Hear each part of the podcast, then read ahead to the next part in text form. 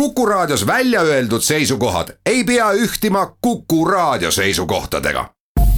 Te kuulate Kuku Raadiot.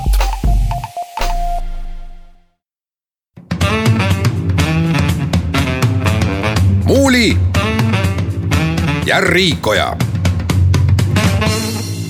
tere päevast, head kuulajad, kell on seitse ja pool minutit üle üheteistkümne ja et on reedene päev, siis loomulikult ka saate Muuli ja Riiko aeg. Ehk Kalle Muuli ja Indrek Riik on stuudios. tere päevast. alustame tänast saadet Euroopa teemadega, ühest küljest Euroopa Nõukogu Parlamentaarses Assamblees on paksu pahandust tekitanud Venemaa volituste taastamine.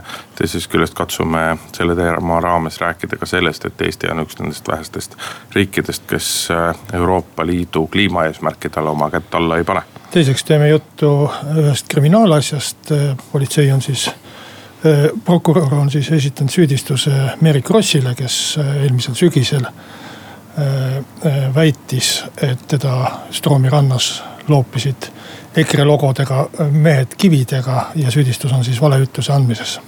räägime ka Nordicast, meie eelmise saate ajal tuli uudis, et Nordica sulgeb enamuse oma otselendudest, see nädal on tulnud selgitusi selle kohta, mis siis Nordica edasine strateegia on ja eilsest on ka teada, et Nordica uueks juhiks saab kauaaegne meediajuht Gunnar Kobin. teeme juttu ka nimeseaduse eelnõust, mille rahvastikuminister on saatnud siis kooskõlastusringile.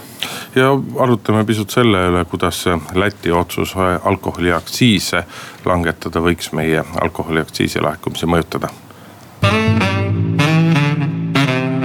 muuli ja Riikoja. Räägime siis äh, saate hakatuseks natuke Euroopa teemadest. kaks otsust, mis küll omavahel seotud ei ole ja isegi ühest ja samast Euroopa kogust ei tulnud Euroopa äh, Nõukogu Parlamentaarne Assamblee, mida ei maksa siis Euroopa Liiduga segamini ajada. Äh, otsustas taastada Venemaa hääleõiguse ja muud volitused, mis võeti Venemaalt ära seoses Krimmi okupeerimisega. Selle otsuse vastu äh, hääletasid siis üksmeelselt Balti riikide saadikud ja Ukraina. Äh, ja enam-vähem äh, üksmeelselt või vähemalt suures enamuses ka Poola, Suurbritannia ja Rootsi. aga Lõuna-Euroopa riigid ja Lääne-Euroopa riigid ülejäänud peale Suurbritannia siis olid kõik selle taastamise poolt ja teine otsus, mis Eestis kindlasti või suurt tähelepanu pälvis, tuli ülemkogult, kus siis äh, valitsusjuhid äh, tahtsid äh, seada Euroopa Liidu riikidele kliimaneutraalsuse saavutamise eesmärgiks kahe tuhande viiekümnenda aasta, aga see ei läinud läbi. vastu olid Poola, Tšehhi, Ungari ja ka Eesti.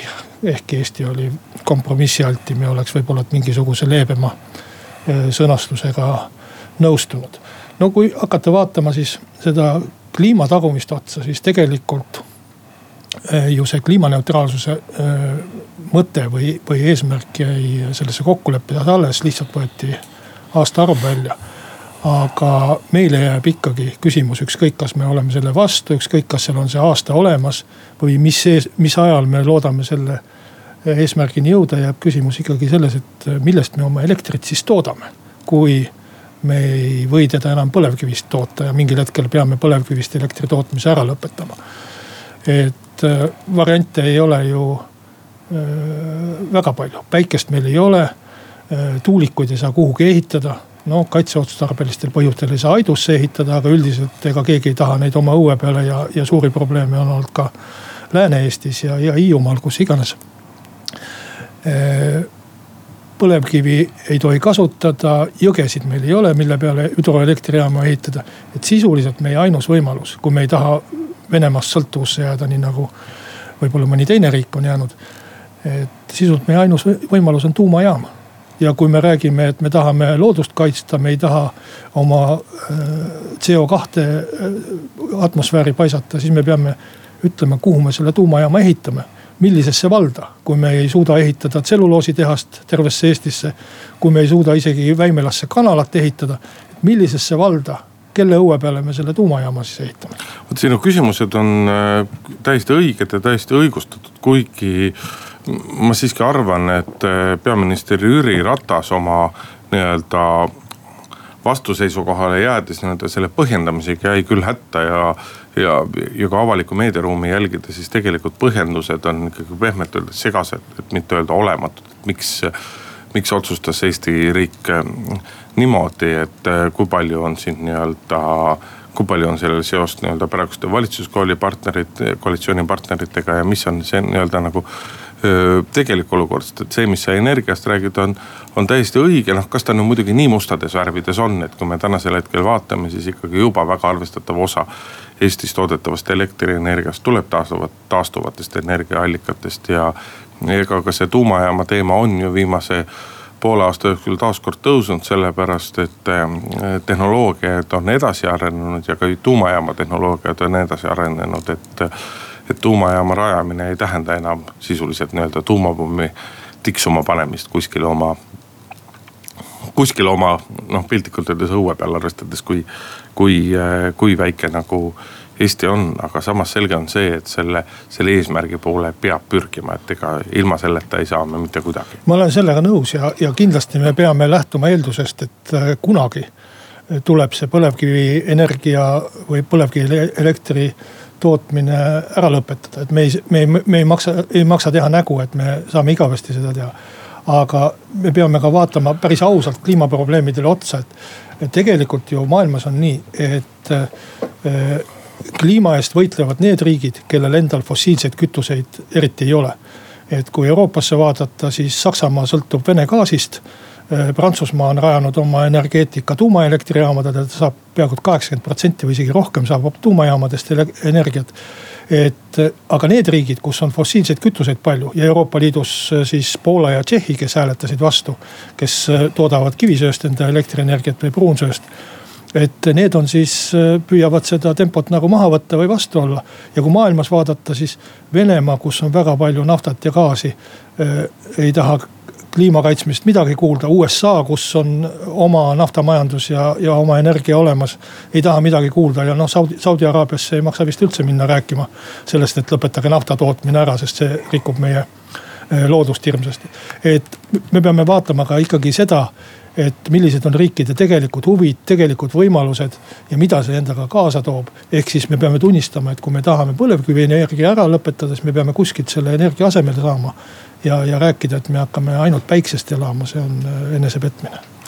aga kui rääkida nüüd äh, juurde, tegelikult alustasid sa nii-öelda hoopis selle Euroopa Nõukogu Parlamentaarse Assambleega, siis, siis see, mis seal toimus, oli küll pehmelt öeldes, pehmelt öeldes arusaamatu, et äh, et äh, vaatasin, et eile nii-öelda sotsiaalmeedias tekkis sihuke korraks nagu selline nõutus pärast seda, kui, kui äh, Mart Helme oli pidanud oma sõnavõttu valitsuse pressikonverentsil, kus ta oli väga tuliselt seda otsust kritiseerinud, sellepärast et mingitel inimestel tekkis sihuke kohmatus, et oot-oot, kas ma nüüd peangi Mart Helmega nagu nõus olema või aga organisatsioon, kelle jaoks nii-öelda inimõigused ja põhiväärtused on sisuliselt nii-öelda kõige olulisem asi, ainus, mis on üleüldse selle organisatsiooni eksistentsi mõte, et kui, kui nendest ollakse valmis lihtsalt nii-öelda ma ei tea, pragmaatilistel kaalutlustel üle rullima ja Venemaa liikmelisuse taastamine olukord, noh arvestades Venemaa käitumist teistes riikides sõdu pidades inimõiguste järgimises ja nii edasi ja nii edasi. enam Venemaa volituste taastamine sellises olukorras on, on arusaamatu ja kuigi eks ta on teatud mõttes loomulik, kui me vaatame tagasi enam kui poole sajandi taha, et et kuidas oli nii-öelda rahvusvaheline suhtumine Nõukogude Liitu, siis ühest küljest äh, oli väga suur hulk ei tunnustanud kunagi näituseks äh, Balti riikide okupeerimist ja nii edasi aga see kõik ei tähendanud seda, et Venemaaga ei oleks tehtud äh, koostööd. loomulikult mitte täiesti vabalt ja täies ulatuses, aga, aga, aga, aga kõik ikkagi jätkus ja ega me saame nüüd ka näha teatud mõttes sedasama olukorda, et otseselt Ukraina ja Gruusia sündmused meelest ei lähe aga nii jäikadele seisukohtadele, nagu on oldud viimastel viimastel aastatel äh, ka kindlasti suurriigid ei jää ja see on, sellest on väga kahju, et olukorras, kus meiegi president armastab väga tihti rääkida, et väärtuspõhine poliitika on see, mida Eesti peab nagu edendama, siis me näeme selgelt, et, et äh, rahvusvahelisel tasandil meie väärtuspõhisele poliitikale nagu sellist partnerlust ja laia kandepinda ei ole? mina olen seda juba ammu ütelnud, et äh, Lääne-Euroopal on ainult, Lääne-Euroopa riikidel on ainult üks väärtus ja see on raha. Et ma arvan, ehkki öeldakse, et Euroopa Nõukogu ja Euroopa Liit ei ole üks ja seesama ja see on tõsi, ühes on nelikümmend seitse äh, liikmesriiki ja teises hulga vähem. aga põhimõtteliselt need inimesed, need riigijuhid, need välisministrid, kes, kes üht või teist protsessi suunavad, on ju ühed ja samad nii Euroopa Nõukogu puhul kui, või vähemalt siis ütleme Euroopa tuumikriikide puhul, kui ka Euroopa Liidus. ja ma arvan, see on minu oletus, millele ma ei saa ühtegi tõendit lisada, et see Euroopa Nõukogu ja Euroopa Nõukogu Parlamentaarse Assamblee otsus Venemaa hääleõiguse taast-, taastamiseks, hoolimata sellest, et ega Krimmi ja Ukrainaga ei ole midagi positiivset juhtunud. et see on ikkagi ettevalmistus või vähemalt selline kontroll või proovikivi. Et mis juhtuks siis, kui sanktsioonid Venemaa vastu üldse tühistada, Euroopa Liidu sanktsioonid.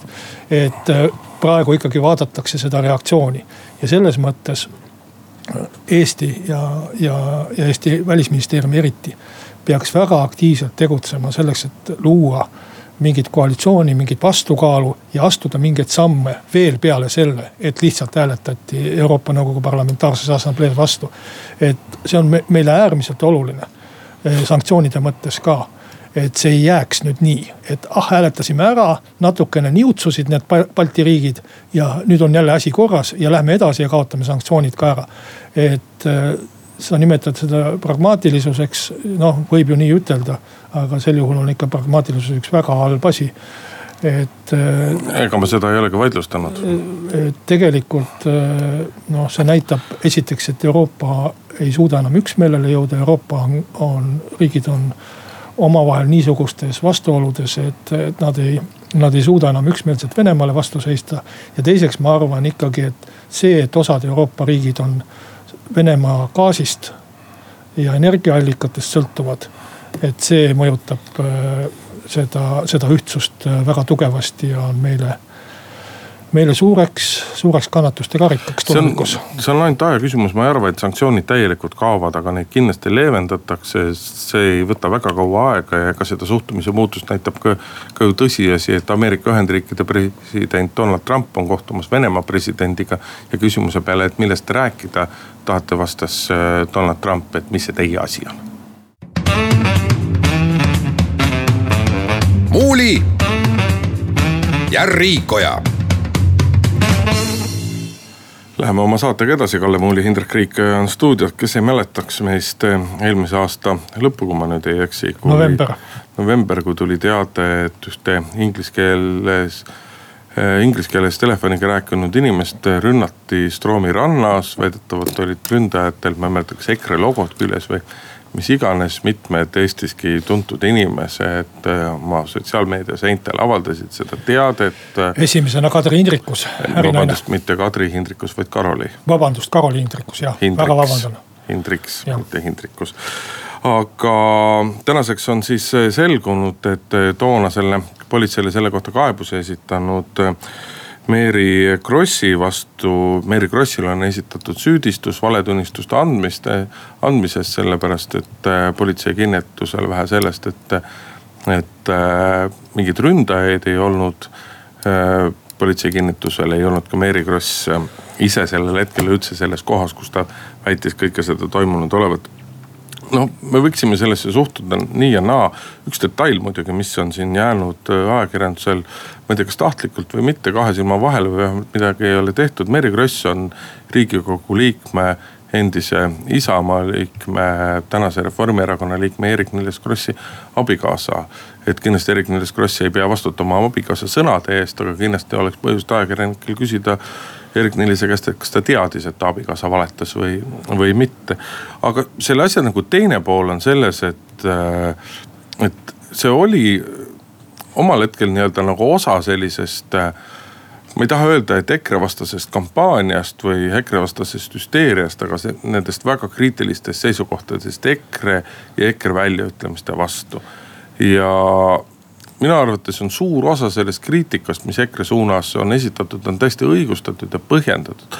aga sellised äh, jaburad, äh, sellised jaburad nii-öelda valeavaldused tegelikult devalveerivad kõiki neid väljaütlemisi, kogu seda kriitikat ja sellest on, on minul isiklikult nagu kõige rohkem kahju. Ja ma ikkagi ei saa aru, et miks üks täiskasvanud inimene, maailma näinud, keeli oskav, haritud ja nii edasi kust tal tuleb pähe idee selliseid valetunnistusi anda? äkki tal tuleb see kellegi teise peast, kes, kes, kes tegutseb Eesti poliitikas, aga. ei, ei, see aga, ei ole selles aga, mõttes aga, vabandus, et ikkagi täiskasvanud inimene, ükskõik mida talle räägitakse, siis täiskasvanud inimene ikkagi otsustab ise, mida ta teeb või ta ei tee. pigem viitasin jah idee päritolule, aga see oli ainult minu oletus.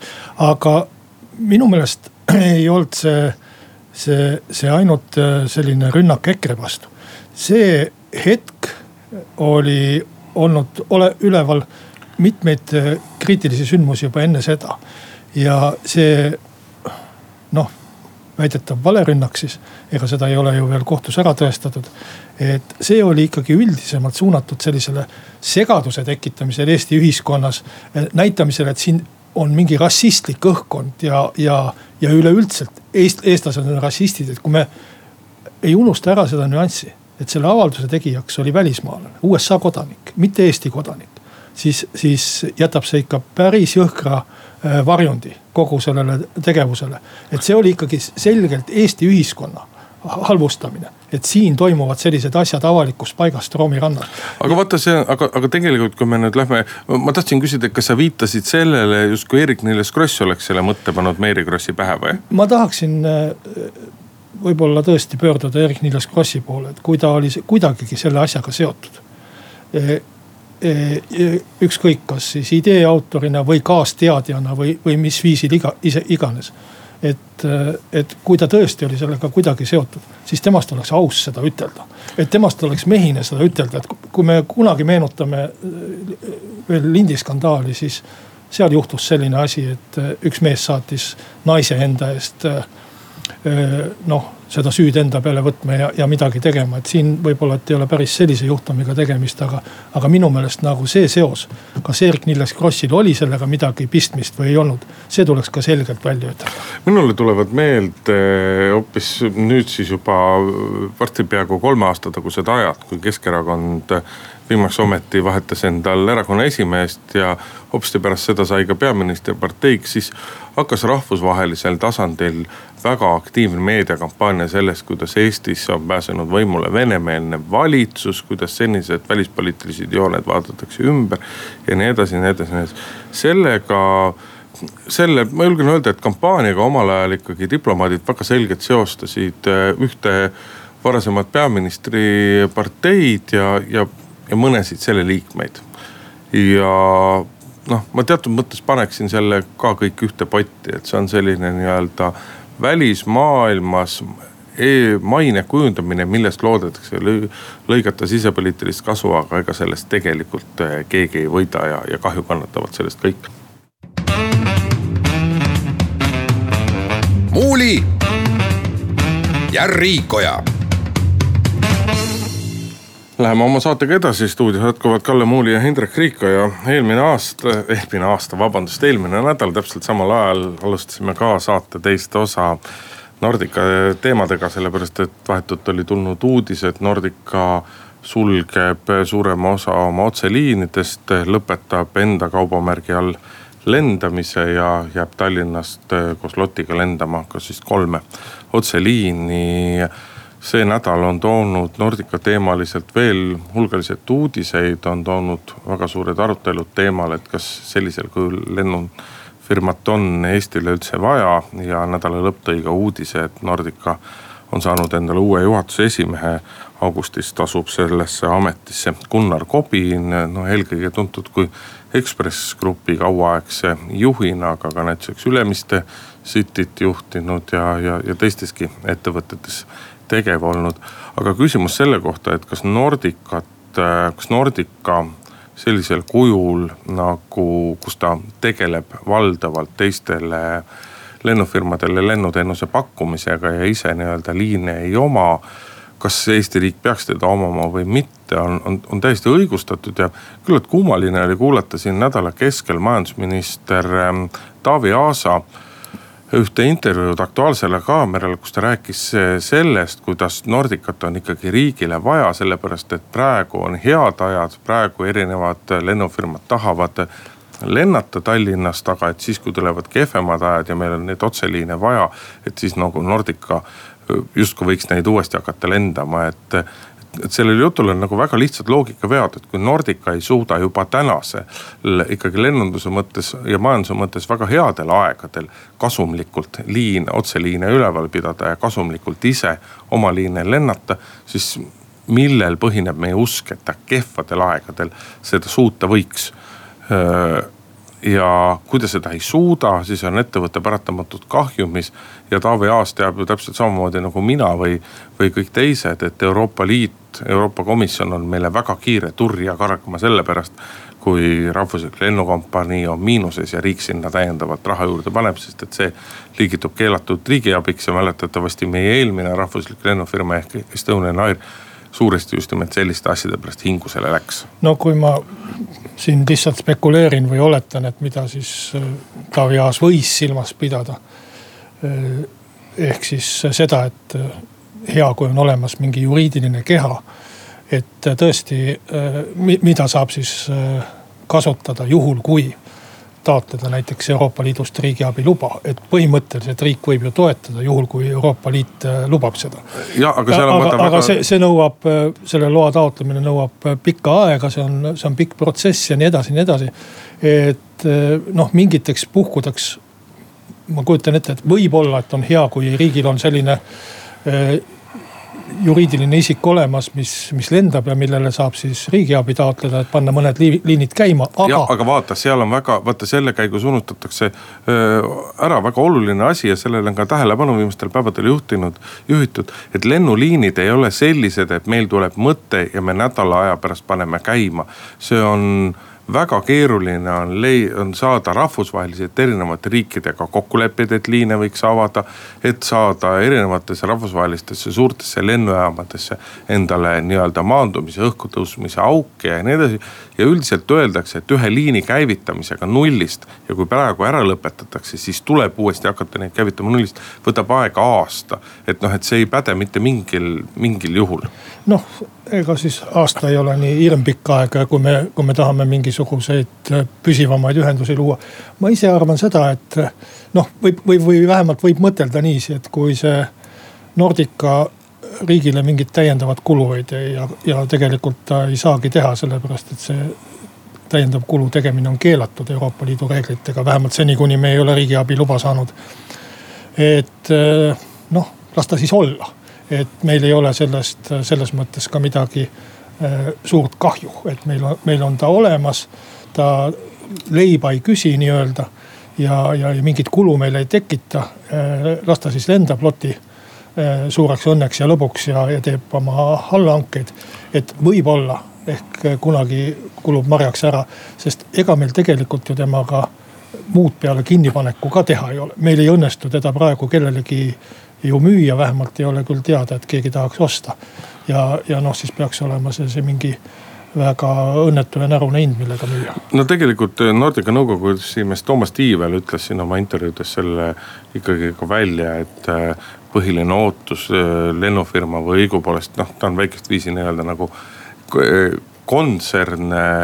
ootused uuele juhile on ikkagi selle ettevõtte parketikõlbulikuks tegemine, et et, et oleks tõepoolest äh, nii-öelda potentsiaalsetel huvilistel, mida, mida osta.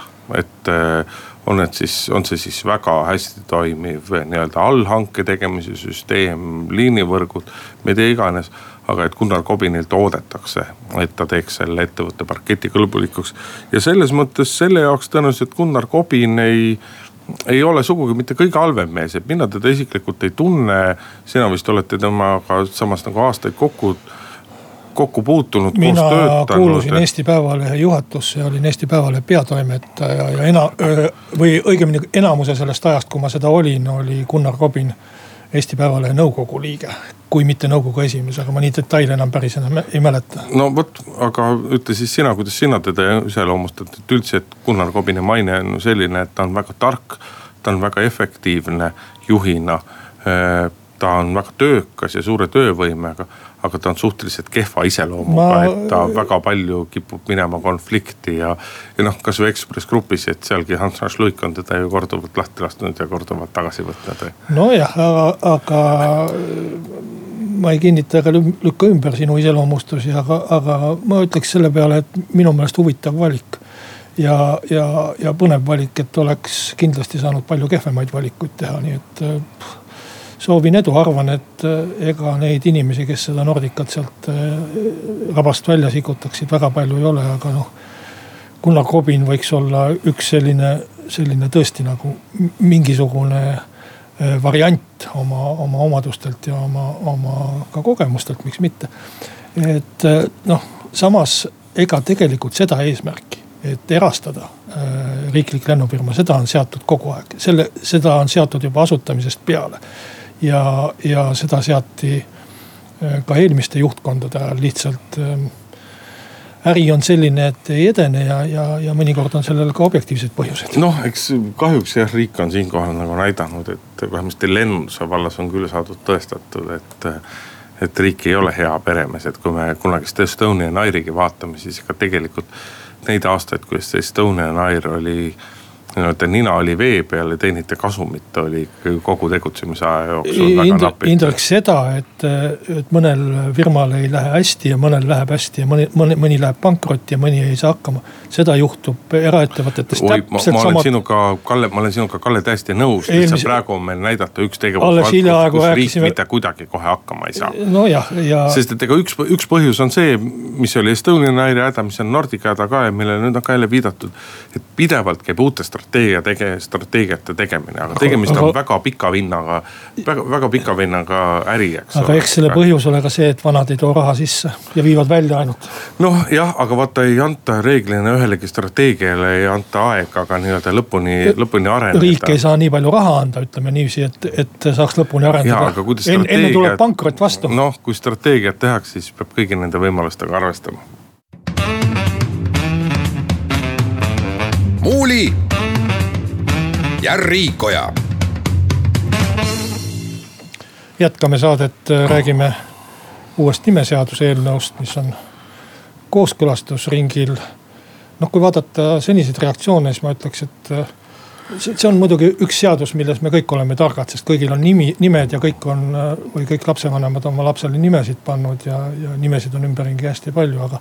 aga kui vaadata seda arutelu, mis on nimeseaduse Äh, ümber tekkinud või seda kriitikat, siis mulle tundub küll, et väga palju äh, avaldatakse arvamust nii, et kas ei ole loetud äh, seda nimeseaduse eelnõu ennast või ei ole loetud praegu kehtivat nimeseadust või vähemalt ei ole neid omavahel võrreldud.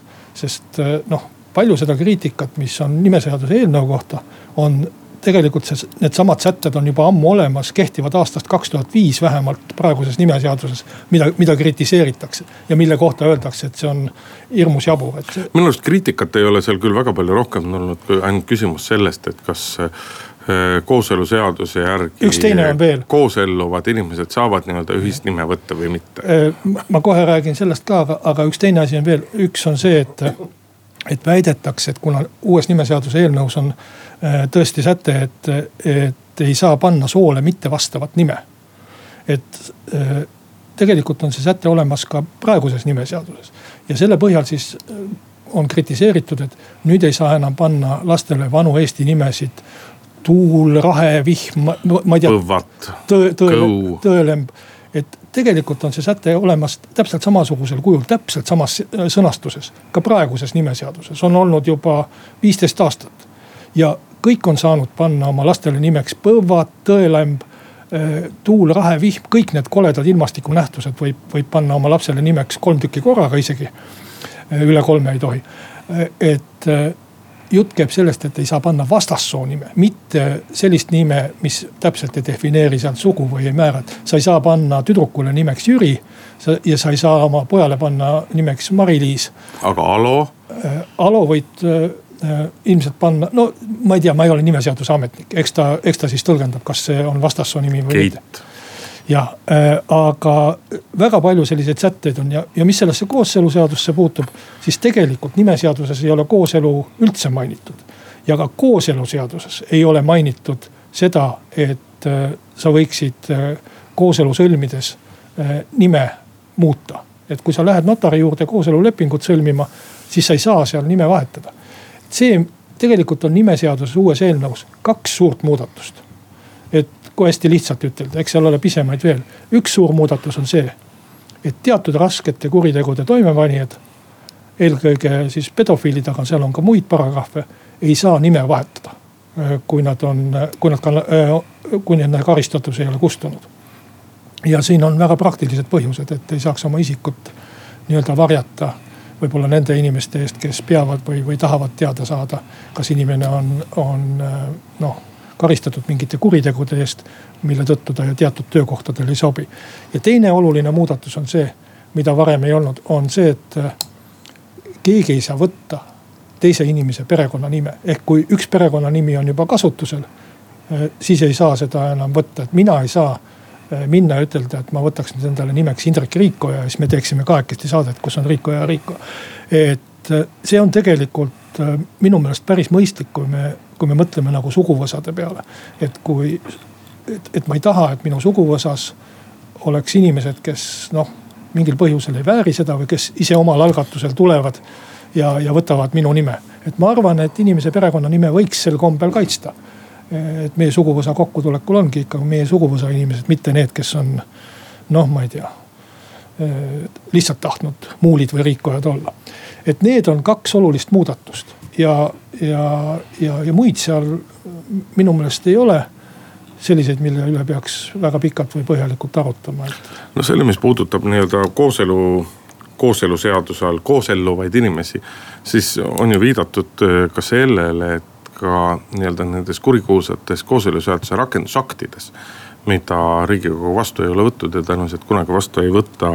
on ka kirjas, et äh, koosellujad ei saa nii-öelda ühist perekonnanime endale võtta nojah, see oli eelnõus tõesti äh, niiviisi sees ja, ja tol ajal oli ka nagu poliitiline noh, selline kokkulepet on palju ütelda, aga, aga, aga kavatsus oli niiviisi olemas. see, mille vastu tegelikult äh, praegu koosellujad või, või peab siis ütlema homod äh, ei, miks, Valdo Randpere, sinu hea sõber on ju kogu aeg rääkinud, et kooseluseadus ei ole mitte samasooliste no, kooselude pärast, vaid eelkõige ikkagi vabaabielus elavate. aga see, see, see, mis neid häirib, on see, et kuna kooseluseadus ei lubanud nime vahetada või kooseluseadusse ei olnud õigemini otseselt sisse kirjutatud, et võid nime vahetada siis äh, mõned äh, nendest paaridest tegid seda asja, et kuna nimeseadus võimaldas teise inimese nime võtta siiamaani sa võisid minna võtta nimeks Muuli, Riiko ja mis iganes sulle meeldis. võisid võtta nimeks Jüri Ratas. siis äh, koosellujad noh, mõnikord tegid seda, et üks läks ja võttis siis nii-öelda teise nime, nimeseaduse alusel, mitte selle tõttu, et nad olid kooselus no,. aga, aga, aga seda tegid ka, ka mittekoosellujad. no üks kuulsamaid juhtumeid on vist Kati Toots, kes võttis Jaan Tootsi Äh, nime, ehkki Jaan Toots oli Kersti Tootsiga abielus.